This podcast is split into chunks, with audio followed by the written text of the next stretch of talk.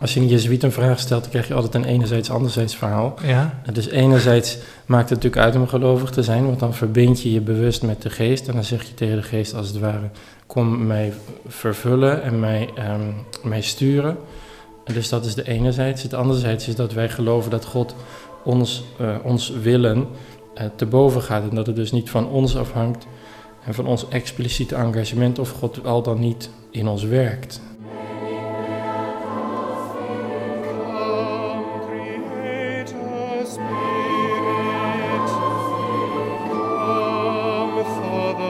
Leuk dat je luistert.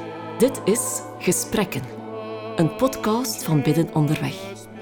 Journalist Rick Timmermans gaat met zijn gasten in gesprek over christelijke spiritualiteit en over thema's die voorbij komen in de podcast-meditaties van Bidden Onderweg.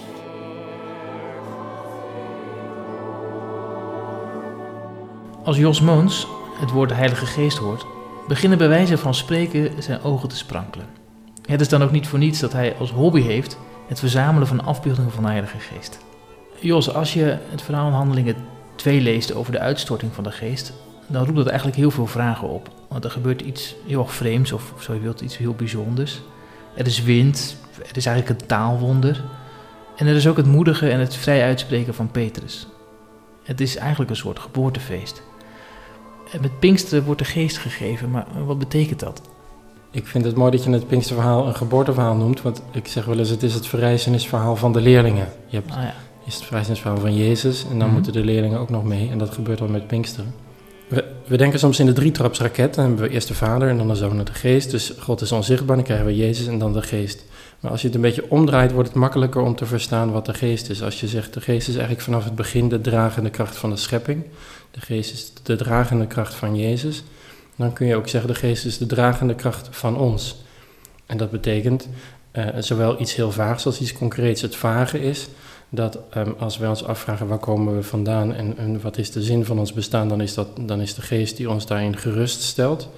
En het concrete is dat eh, als we in onszelf iets voelen opborrelen van, eh, van vertrouwen, van mildheid, van vergeving, dan is dat vanuit ons perspectief de geest. Hm.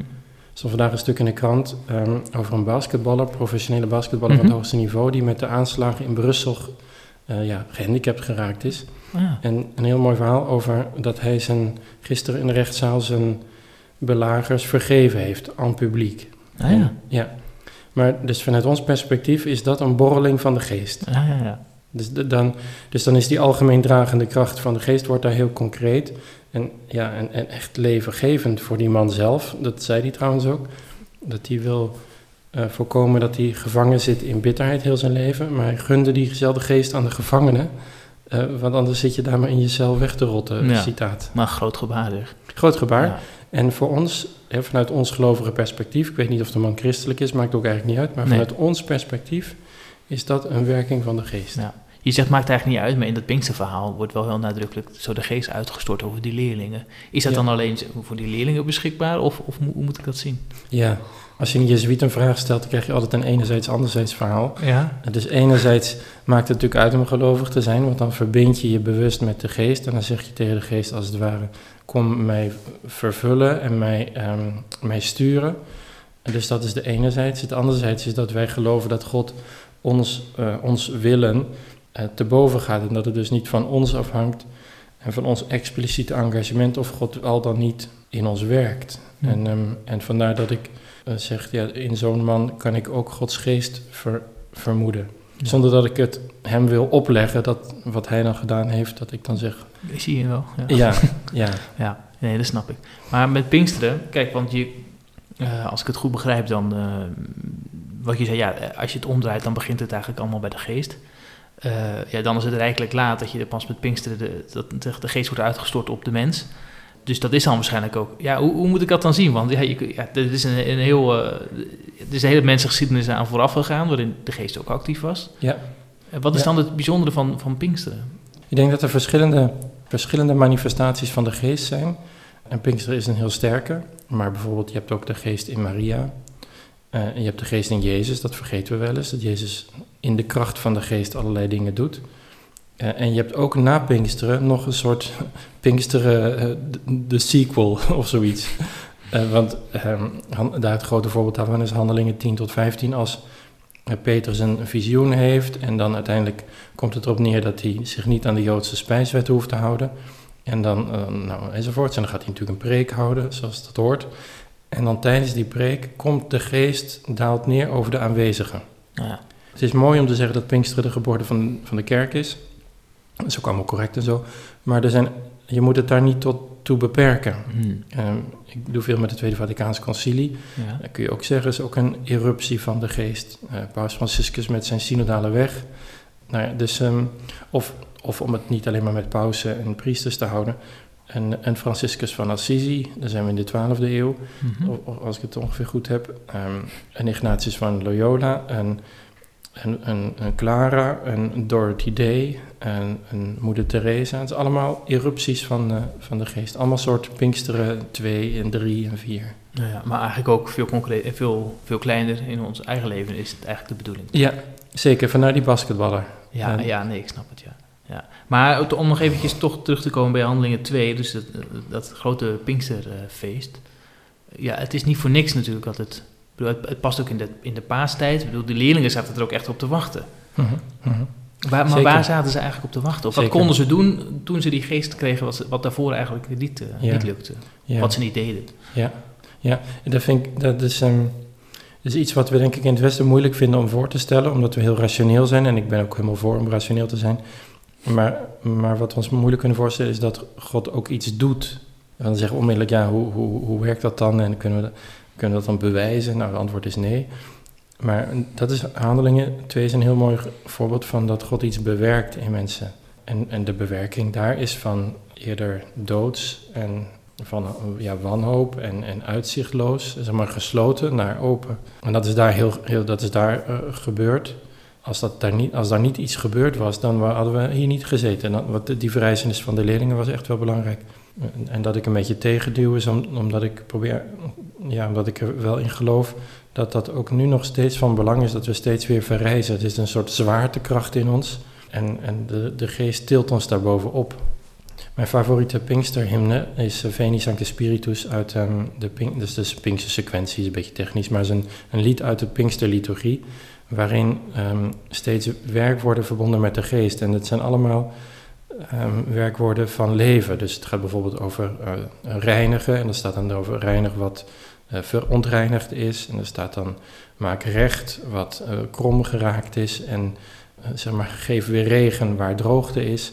Dus allemaal dat soort dingen. Dus, en dan zie je eigenlijk wat de geest doet van droogte naar dat er weer regen is. Van krom naar recht. Van hopeloos naar hoop.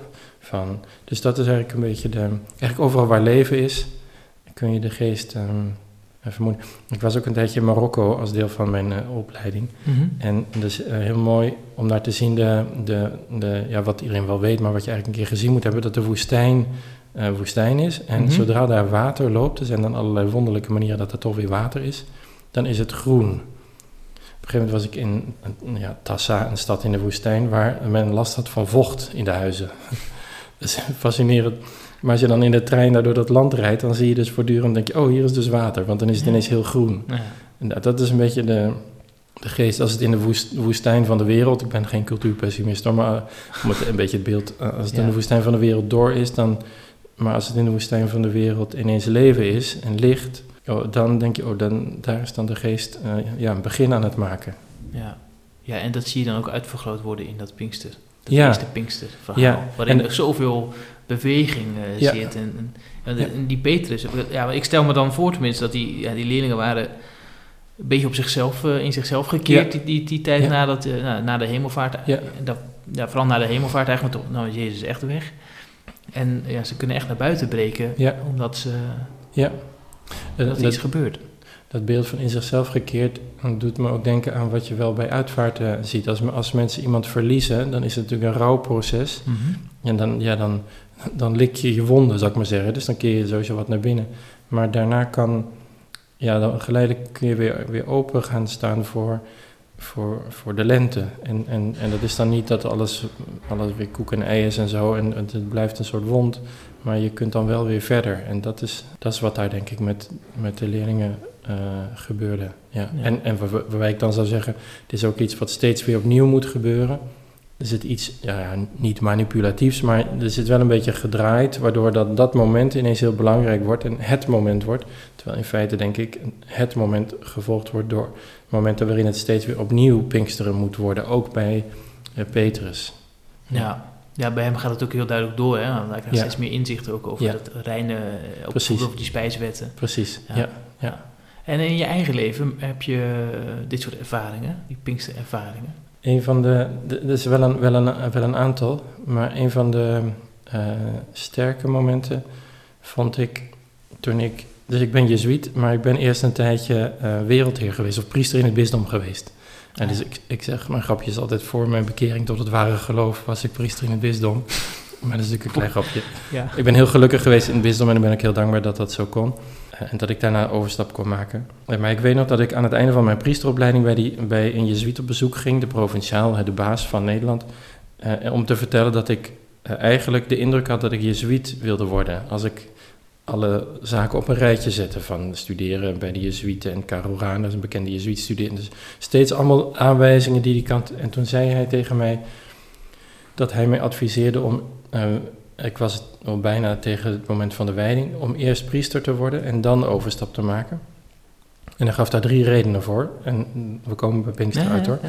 Eh, en de eerste reden was dat het goed was voor mij om na jaren studie wat te doen en niet weer in een soort opleiding terecht te komen. Hmm. De tweede was dat het voor de bisschop goed was om hulp te hebben. En de derde dat de Jezuïeten niet de naam wilden hebben om mensen te vissen Ja. in het seminarie. En ik weet nog dat ik naar huis fietste daarna en dacht, dit is zo verstandig allemaal, zo wijs, dit, dit ga ik doen. Dus dat was een soort een helderheid, een soort licht dat, daar, ehm, dat ik daar voelde.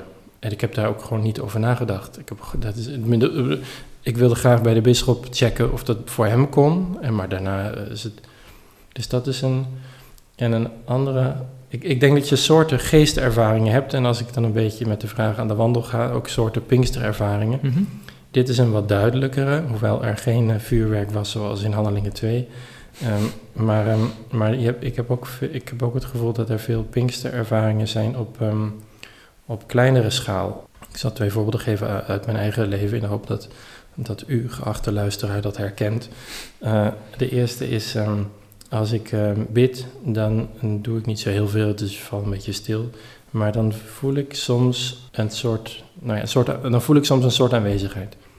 Dat, dat is voor mij Pinksteren. En de, an- want, want dat doet precies wat ik net eerder beschreef, dat het je energie geeft, bevestigt in, dat je gedragen wordt in het bestaan. Eh, soms verstandige gedachten borrelen daaruit op. Dus dat is het ene. En het andere is, ehm, ik werk rondom synodaliteit. Dat is een beetje een moeilijk woord. Is wat in de kerk eh, zijn we aan het proberen om een meer participatieve manier van besturen te beginnen, waarin iedereen een, een, aan het woord kan komen. Eh, Het staat tegenover heel hiërarchisch, heel verticaal. Er zijn in de wereld een groep mensen die zich daarmee bezighouden. En soms kom ik zo iemand tegen. En dan komt iemand hier in Leuven langs, of ben ik in Rome, of in de Verenigde Staten, of in Parijs. En eh, wat heel leuk is, is als je met zo iemand eh, die ook daarover werkt, koffie drinkt of wat gaat eten, daar is een geweldige verbondenheid. Omdat we merken, we zitten op dezelfde golflengte, hebben dezelfde intuïties, vullen elkaar aan. En dat zijn voor mij ook Pinkster ehm, momenten. Maar dan is het veel socialer. Dat eerste Mhm. voorbeeld was meer in, Ja. in stilte. Met ook dezelfde soort vruchten. Ja, heel energiegevend. Hm. Ja. Het lijkt me ook een heel belangrijk element dat, het, dat je eh, zegt dat het eigenlijk ook een soort van iets gemeenschappelijks is. Want dat hele Ja. Pinksterverhaal is geen individueel gebeuren. Hè? Dat Ja. is echt een gemeenschappelijk gebeuren. Ja, dus het kan ook iets zijn. En ook eigenlijk, sorry, wat, je met, de- wat de provinciaal eigenlijk zegt, dat is ook in, in gemeenschap. Ja, had ik nog niet aan gedacht, maar het is goed dat je goed dat je het eh, zegt. Dus in, dat, in het gesprek en in de ontmoeting en in de uitwisseling kan een soort wijsheid opkomen. Of een soort, of niet alleen per se wijsheid, want dat is alweer een uitkomst, maar ook een verbondenheid en een soort ehm, ja, eh, eh, vreugde en, en, en geluk. De bedoeling is eigenlijk ook dat in dat hele synodale proces dat zo gaat. Dat als we met elkaar in gesprek zijn en als we dat op een rustige manier doen waarin iedereen aan het woord kan komen, dan is de hoop dat we op een gegeven moment iets voelen opborrelen in ons gesprek Mhm. waarvan we zeggen, dit, moet, dit is verstandig, dit is, hier voelen we een lichtheid en een, en een, een eenvoud en die, die een teken zijn dat we op de goede weg zijn. Dat hopen we, want dat is ook wel een avontuur. Want als je in een gesprek gaat of in een ontmoeting en je gaat ruzie maken, dan, dan gaat het stuk. En dan, Mhm. kan, dan is de geest kan dan niet zich laten, ja, kan er niet boven komen drijven. In het begin van het gesprek zei je iets, daar wil ik nog, eigenlijk nog even iets dieper op ingaan met je. Het gaat natuurlijk heel erg van uit dat, dat, dat er een God is die heel actief ook eh, zich nou, bemoeit, om even zo te zeggen, maar niet, niet bemoeien natuurlijk, maar, maar gewoon eh, vooral bezig is in deze Ja. wereld om iets te doen. Dat is denk ik, dat is zo enorm, ja, het ligt zo voor de hand om te zeggen dat dat zo is. En tegelijk is het volgens mij voor, voor mezelf tenminste, maar ik denk voor veel mensen ook gewoon iets heel ingewikkelds. Dat in alles wat wij met z'n allemaal allemaal doen, dat, dat God er eigenlijk ook nog aan Mhm. eh, in het werk is. En, Mhm. en hoe kunnen we dat, want eigenlijk als dat zo is, zou je zeggen, we willen het liefst zien, dus ja, wat is die dan aan het doen, zodat we eh, eh, zeg maar hem kunnen meewerken. Dat, ja, in een soort ideaal scenario. Ja, ja, ja, zeker. Maar dat vergt toch wel een, een, ja, Ja. een, een hele stap om, om zo geloof te zeggen. te zetten. Ignatius zegt in de geestelijke oefening ergens dat God is als iemand die zwoegt. Ja, dat is een prachtig beeld. Ja. Dat is mooi, hè? Ja. Ja. Dus hij maakt zich echt druk om, eh, om, om, om ons. Als je het niet zegt. Dus ik, ik, ben het helemaal, ik kan helemaal mee de gedachte voltrekken dat het moeilijk is om ons dat voor te stellen. Dat het niet past bij ons moderne wereldbeeld. Maar ik vind het zelf een troost of een, een, ehm, een behulpzame gedachte. Omdat het. Kijk, je kunt ook een beetje omdraaien. Als je het niet zegt, Mhm. Ehm, als God niet handelt, dan zijn we aan onszelf overgeleverd. En dan is het ook moeilijk. eh, nou, daar wil ik niet meteen heel pessimistisch over doen, hoewel daar wel reden toe is. Eh, kijk naar Oekraïne. Dan is het moeilijk dat we ons boven onszelf uitstijgen. Ja, dat is een beeld dat we wel eens gebruiken als iemand heel goed doet. hè, Zo'n basketballer die in de rechtszaal zijn Ja. eh, eh, ja, zijn- die terroristen vergeeft, dan stijgen we boven onszelf uit. Eh, in de kerk eh, eh, weten we hoe het zit en hebben we een boodschap, maar eh, soms zeggen mensen misschien moeten we de boodschap ook veranderen of eh, en moeten we boven onszelf uitstijgen en tot betere gedachten komen. Dat vinden bijvoorbeeld vrouwen als het gaat over de plaats van vrouwen in de kerk. Ja. En daar kan ik me veel bij voorstellen. Ja. Als je het boven jezelf uitstijgen, als je dat allemaal uit jezelf moet halen, Mhm. dat is nogal een, nogal, een, nogal een kwestie. En als je zegt, maar God is actief, al weet ik, al heb ik geen idee hoe, dan wordt het makkelijker om het boven jezelf uit te zeggen als kerk of als mens, om dat ehm, te denken en eh, ja, om, dat, om dat te laten gebeuren. Ja. ja, dus dat, dat geeft een heel, echt wel een hoopvol perspectief. Want Zo juist als je, want eigenlijk als je kijkt naar wat je noemt die oorlog in Oekraïne, ja, daar is natuurlijk weinig eh, helderheid of vreugde of, of, of, Ja. of humor of wat Ja. dan ook eh, in het spel. Dat is allemaal heel st- star en strak en vervelend. En, Ja, humor is ook aardig. Ja. ja.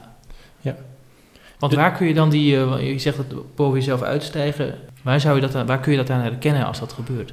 De paus noemt dat, we moeten het niet voortdurend over de paus hebben, maar die noemt, die noemt dat ehm, overflow. Dus als, als je zeg maar, als je eigenlijk niet, ja, niet dit zelf al zo had kunnen bedenken. Ehm, wat was de vraag ook weer precies? Ja, dat als je, want eigenlijk in dat, in dat boven jezelf uitstijgen, Ja. daarin zou je dus eigenlijk de hand van God kunnen, kunnen Ja. herkennen. Ja, Ja. Dus hoe zie je dat over, waaraan herken je het als, als het boven onszelf wordt uitgesteken? ja. Eh, ik- ik denk dat je om dat te kunnen herkennen eh, de bril op moet zetten van de verwondering.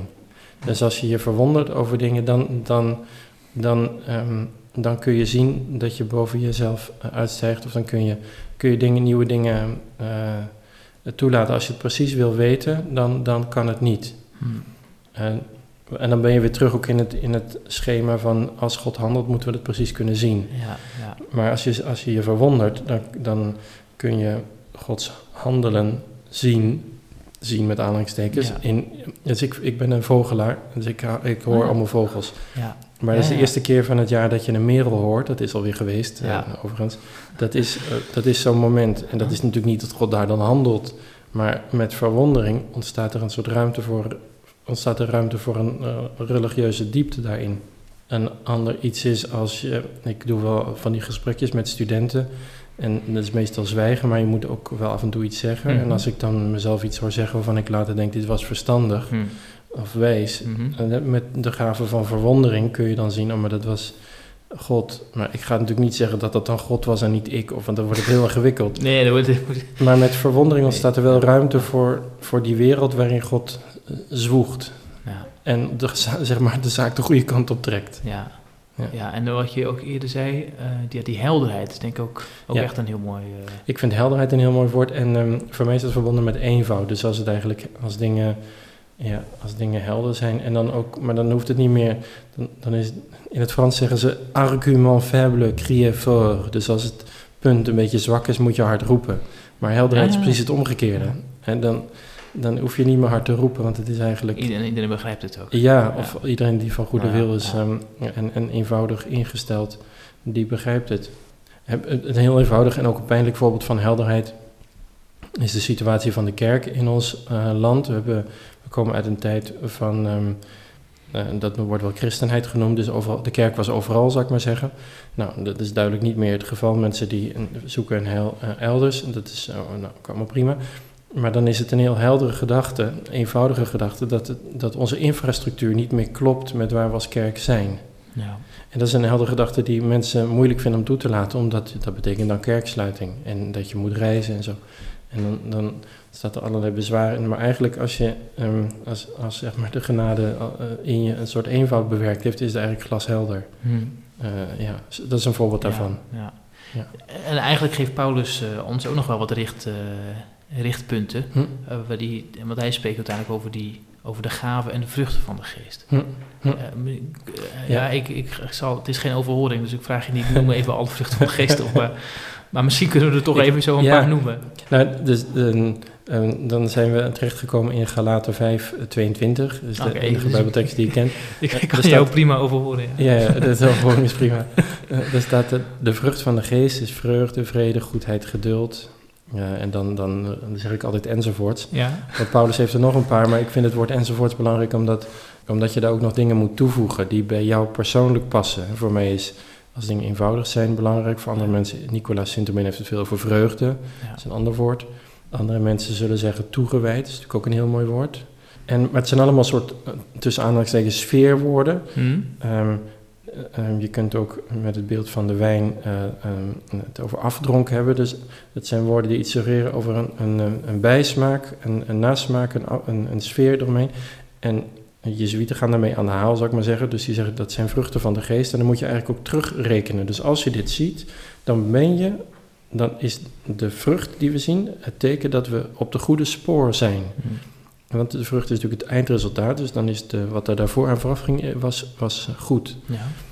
Eh, en dat vind ik heel mooi. Dan wordt het, die vruchten van de geest worden dan meer dan een soort vroom dingetje, hè, die je dan al dan niet uit je hoofd kent. En, en nee, dat, dat is een criterium om, als we oriëntatie zoeken eh, en we zien vruchten, dan zeggen we, nee, maar dit was dus goed. Ja. Ja, ja, ja. Dus dan, dan helpt het om, eh, ja, zonder dat je dan precies vastpint van zo is God aan het werk, maar je, je kunt er dan van wel zien dat, het- dat het Ja. gebeurt. Ja, Ja, en je kunt eigenlijk ook wel misschien op, op een gegeven moment wel makkelijker je keuzes maken. zeker, zeker. Op een gegeven moment word je er de zaakjes goed in. Ja, ja, ja. ja. En, en, mijn, de grote bof, ik, ik, hebben heel veel, ik bof op allerlei manieren, maar een van de manieren waarop ik eh, bof is omdat ik gesprekjes voer met mensen. En dan ehm, ben ik eigenlijk aan het helpen de ander om, om dat te herkennen. En dan word ik, dat is natuurlijk ook goed voor mezelf, en mijn eigen training. eh, Ja. doe, doe. En dus ik zie, het ik zie het dan vaak eerder dan de ander, maar dat maakt ook niet uit. En daar moet ik ook niet eh, zeg maar les gaan geven, maar dat helpt wel om dan, hoe kan ik dan de ander begeleiden naar die helderheid, eh, dat eh, ja, dat als je uitgeplust raakt van iets, dat is natuurlijk ook een vrucht, maar dat is duidelijk een vrucht van de niet-streepje geest. Mhm. of als mensen heel bitter zijn. Of als cynisme is ook een heel goed voorbeeld. Of hardheid, als mensen heel hard zijn. Dit is niet katholiek. Of ehm, ja, dat is allemaal heel hard. En dat is niet, dat is niet vrucht van... ehm, nee, dat is zo star verstold. Ja, precies. Ja, je voelt het meteen wel aan. ja. Je voelt het meteen, maar dat is het. Je voelt het aan. En dan zeg je, oh ja, oh kijk. Hoe kun je dan, eh, ja, hoe kun je dan eh, werken om, om de boel een beetje soepel te krijgen? Ja, ja, ja. Dat is trouwens een van de zinnetjes ook uit dat ehm, eh, lied ehm, Soepel. Maak weer soepel wat verstart is. Ja, precies. Ja. Ja. Dus dat is heel belangrijk, soepel. Ja. Denk, ja, ik, zeg altijd, ik geef altijd twee tips, maar dat is eigenlijk heel eenvoudig. Eh, een kind kan de was doen, behalve dat het moeilijk is. Eh, De ene is om te herkennen waar, je, waar die verstardheid begint, of waar die moedeloosheid, of waar, die cynisme, waar, dat cynisme, waar dat begint. En dat te zeggen, nou, daar wil, ik niet meer, daar wil ik me niet meer mee bezighouden. Ook niet heel hevig, zo van, ga weg, of, of, weet ik, of eh, achter mij Satan, zegt dan de schrift. Dat allemaal niet, maar gewoon eigenlijk zeggen, oh ja, dit wil ik dus eigenlijk niet. Dus dan zo licht mogelijk het opzij schuiven. En het andere is, ehm, eh, is om, om heel veel eh, je, je bezig te houden met eh, de andere werkelijkheid. Dus eh, als je bijvoorbeeld heel cynisch bent en je bent een tijdje cynisch geweest, dan zit je er heel erg in vast. Hè? Ja. Dus dan is werkelijk, dan is alles, zelfs als de zon schijnt ben je cynisch, want, ja, dan, want dat is te slecht voor de opwarming van de aarde. Ja, goeiedag. Ja, nee, precies. Ja. Dus dan zit je echt vast. En, Mhm. Maar het is heel moeilijk om dan, om dan, wat ik net zei, die eerste tip, dat is echt heel moeilijk. En wat nog moeilijker is, maar wat heel belangrijk is, is om dan alle kleine dingen die levengevend zijn te omarmen. Dus, dus ik zeg dan wel eens, ja, als je geniet van in een bad zitten, doe elke dag een kwartier in bad zitten. Eh, als je zegt, ik hou van mooie muziek, eh, luister elke dag een kwartier naar Thomas Tallis. eh, want dat is natuurlijk heel mooie muziek, vind ik zelf althans. Of als je van Broekner houdt, mag je ook Broekner opzetten. Eh, of als je, van, ehm, als je het leuk vindt om in een cafeetje koffie te drinken. Als je zegt, nee, maar daar knap ik in het algemeen van op. Dat voel je natuurlijk helemaal niet als je vastzit in dat cynisme. Nee. Maar dus zoek iets waar... Dus daar moet je heel bewust echt heel erg voor inspannen... om dan geleidelijk je, mm, ja, een beetje los te komen van, dat, van de greep van dat... ja. Van die En de grap is, dan ben je eigenlijk... Ja, van de niet-geest. Dan ben je dus eigenlijk bezig om zelf mee te helpen om het Pinksteren te laten Ja, worden. ja, want het is dan... Ja, oké. ja. Dus die moest je echt actief... Kun je je ervoor Ja, openstellen, ik- actief. Ja. En dan is het tegelijk ook weer een wonder als het dan lukt, hè. Want, maar maar Ja. je moet echt... ehm, ja. En, en nog één ding over die actieve God en zo. Hm. Ehm, als mensen vastzitten in zo'n cynisme, of, eh, of, of hardheid of, of, of wanhoop, dat is ook wel een aardige manier om aan te geven waarom dat actieve van het goddelijke een zinvolle gedachte is. Als, wij, als dat er niet zou zijn, die spirituele dimensie en, en de, de werkelijkheid of de realiteit daarvan, dan, heeft het helemaal, dan kun je bijna niet uitleggen dat mensen zo vast kunnen zitten in cynisme. Hm. Dan kun je ook niet uitleggen dat mensen de bocht kunnen maken van cynisme naar meer vertrouwenvol en opgewekt in het leven staan. Dus er is een soort innerlijke wereld waar we eigenlijk een, een soort kleuters zijn, waar we analfabeten in zijn, die we niet in onze moderne tijd nauwelijks eh, ja, geletterd zijn. Ja, maar ook, het, is, het zijn natuurlijk, ehm, als je misschien, hè, ik weet niet zeker hoe andere mensen over de geest denken, maar het klinkt al heel snel heel groot en verheven enzovoorts. Maar wat je nu noemt, is eigenlijk, ehm, ja, het is gewoon heel alledaags. Het is helemaal geen grote vroomheidsoefeningen. Nee. Het is gewoon, eh, ja, als, al wat, wat goed voor je, wat je doet leven eigenlijk, nou ja, investe- investeer daarin. Ja. Want dat is goed voor je, daar word je, word je een beter mens van. Ja. Ja. Voor jezelf, voor andere mensen. Ja.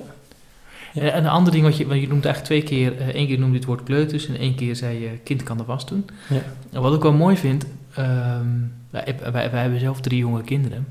Cynisme of zo, Mhm. het bestaat niet in de wereld van kinderen. Van tenminste, ik wil niet algemeen zeggen, maar Ja. ik heb het nog niet gezien, zeg maar. Ja. En dat vind ik wel iets, iets bijzonders. eh, eh, blijkbaar raken we ergens dat, dat eenvoudige kinderlijke, die ook vaak heel helder zijn en uitgesproken. En, Transparant. eh, en ook heel gemakkelijk eh, dingen los kunnen laten die, Ja. ze, die, eh, die hun eh, Ja. tegenwerken. Ja. Ja. ja, daar kunnen we veel van leren. Ja, dus ik vind het ook een heel mooi beeld van Jezus. Nou, laat die kinderen maar bij me Ja. komen. En Ja. of, of je moet geloven als een kind. Dat is mooi, ja, mooi. Ik heb neefjes en nichtjes, maar ik, ben, ik maak dus de ervaring niet zo van dichtbij mee, maar wel de neefjes en nichtjes. Ja, ik, ben, ik vind dat, het leuk om daarmee om te gaan en te zien hoe dat dan gaat. En, en die ontdekken dan dingen en, en soms moet je ze ook weer ja, loslaten en dan... Ja, maar ze kunnen zo, vreugde, Ja. ze zo vreugdevol zijn Ja. en ook dat Ja. geven zonder dat ze... Ja, Maar zonder intenties ook of zo. Ja. Hè? Het is echt toch eh, heel, heel Ja. puur. Ja. Hey, ehm, dat Pinksterfeest, ja, wat ik ook, want ik, ik las die tekst nog e- even hiervoor. Ehm, ja, en dan begint die Petrus, die begint ook, ja, die bange Petrus die, die we nog kennen uit, eh, nou ja, als, als Jezus daar zo eh, wordt verhoord en die zegt dan, ah, ja, die man die ken ik niet en zo. Ja, die gaat dan echt staan en eh, ja, die, die heeft echt de moed om te, om te spreken en Hm. en ook harde dingen te zeggen eigenlijk wel. Van ja, jullie, jullie hebben die man ver- vermoord, zeg maar. Het is ook geen gebeuren voor bange mensen, dat hele Pinksteren, denk ik. Ik denk, Petrus is natuurlijk een heel apart figuur met ook een heel sterk karakter. zoals we denk ik allemaal een sterk een karakter hebben. Maar wat ik aardig vind is dat de Petrus die zeg maar vol gloed daar staat te, eh, te spreken en ook de, de kat de bel aanbindt. Mhm. dat, het, het lijkt wel alsof zeg maar, de geest zijn kwaliteiten daarin zet. Eh, en ik denk dat voor een eh, ander iemand eh, dat heel andere dingen mogen zijn. ja, ja, ja, ja, ja. Ehm, Maar het blijft heel dichtbij. ehm het is een persoonlijke ervaring voor Petrus in de zin dat het hem echt de persoon maakt die hij is. Ja, precies, precies. Eh, en eh, dus in Peters geval is het dus van een, een, een bang iemand die wel eh, ehm, ja, een soort lefgozertje is het. Eh, Ja, wat Jezus ook duidelijk in had herkend. ja, precies. Dus dat, komt dan, dat wordt dan ineens gekanaliseerd naar iets, naar iets constructiefs. Bij Ignatius van Loyola is het heel anders. Dat is een heel affectief iemand, dus die voelt van alles. En dus die wil ook, eh, zeg maar, ja, iemand zijn en dat mensen naar hem opkijken. En maar, eh, eh, eh, maar dus die, die, die gevoelens worden dan ineens gekanaliseerd uiteindelijk. Als, als, want hij wordt een meester in onderscheiding. En dat is het innerlijk aanvoelen wat het goede is. Terwijl eerder liep hij, zeg maar, ja, gewoon onmiddellijk zijn gevoel achterna. Maar dat wordt dan... Dus ik denk dat je zo kunt zeggen ehm, eh, dat het Pinksterverhaal... ehm, voor in het geval van Petrus, de bange Petrus, is het iets voor niet, niet iets voor bange mensen. Maar in het geval van Ignatius is het weer een, wordt het een heel andere, krijgt het een andere draai. Dus ik denk dat het, het karakter van mensen versterkt in de goede kant op. Nou ja. Ja. Dus, be- be- dus je mag ook gerust bedachtzaam zijn, zou ik maar zeggen. Je kunt een, een, pink, een, een gepinksterd iemand, Ja. die kan gerust bedachtzaam zijn. Ja, ja, ja. Petrus is dan een beetje een flap uit, ja. en, en maar bedachtzaam mag ook. Of, of kunstzinnig. Ik ben geen kunstenaar, maar ehm, eh, ja, ja, ik vind het heel mooi. Ik vind Engelse koormuziek heel mooi, ook moderne Engelse koormuziek. Gisteren hadden, of eergisteren hadden we een viering met de faculteit theologie en toen zongen ze John Rutter, The Lord bless you and keep you. Dit is werkelijk, dit is verbluffend. Dus ik moest daarna nog een slotgebed doen en toen heb ik gezegd, we zullen eigenlijk maar geen slotgebed doen, want eh, dit was eigenlijk, dit telt als slotgebed. Ik heb het daarna toch nog gedaan natuurlijk, maar Komt niet laat Ehm, natuurlijk.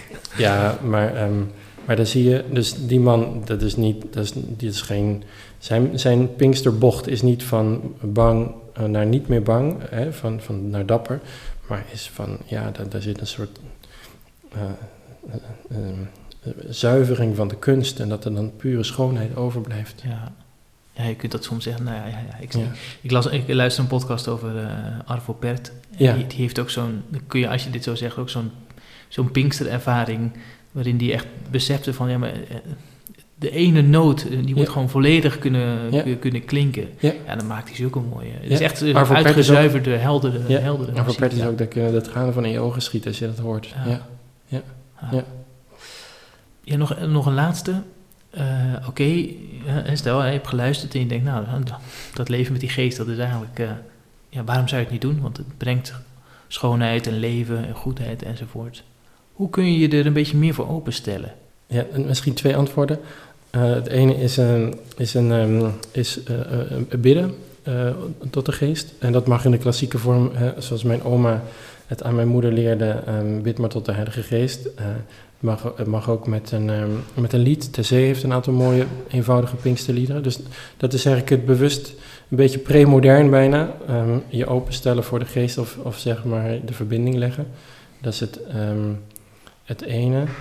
En het andere zou, wat mij betreft, zijn om ehm, eh, voldoende eh, de goede dingen die er zijn eh, op te merken. Toen ik wegging uit de parochie, lang geleden, om naar de Jezuïeten te gaan, toen zei een van de jongeren, die dat heel scherp gezien, of heel scherp dingen zag, die zei ehm, dat hij het leuk vond om te zien dat ik een levensgenieter was. Dat wist ik eigenlijk helemaal niet van mezelf, maar dus iets van een levensgenieter. En daarmee bedoelde hij niet dat ik de bloemetjes buiten ging zetten in Amsterdam en zo, een dure wijn drinken, maar bedoelde hij dat, dat de dingen die er eh, te genieten zijn, dat je die dan ziet. En eh, in mijn parochie bijvoorbeeld was dat, er was een groot meer waar ik dan omheen moest. En als dan de maan in de, in de zomer de maan scheen, dan zie je natuurlijk die maan prachtig op dat meer. Dat is een soort zilver. Ja, Nou, daar kon ik dan eindeloos van genieten. En, en dus dan ging je niet daar een uur staan of zo, maar dan, dat, dus dat echt in je opzuigen. En dan, of hetzelfde wat ik net zei over de mooie muziek, dat je zegt, oh, dat, is, dat laat ik gewoon even galmen van binnen. nou, dus heel bewust stapjes Ja. gewoon om, om, als je iets, als iets je raakt, om nou, ja, te zeggen, nou, Ja. oké, dan laat ik het even extra Ja. binnenkomen. Ja, of in Amsterdam. Ik heb een tijdje in Amsterdam gewoond. Er was, een, Uh-huh. er was een mooi café aan het water. Ik ben van het water. Ja. Eh, we hebben het nog niet over zeilen gehad, maar dus het, het woord zeilen toch ook laten vallen. En eh, daar, ging ik, daar ging ik dan op zaterdag wel eens zitten. En eh, een van mijn huisgenoten zei, ja, je gaat weer even koffie drinken daar. Maar dat ging natuurlijk helemaal niet over die koffie daar. Nee, maar het ging over even de, het water en de wind en dat eventjes in je... Ja, dat, dus meer is het niet. doet je leven. Ja,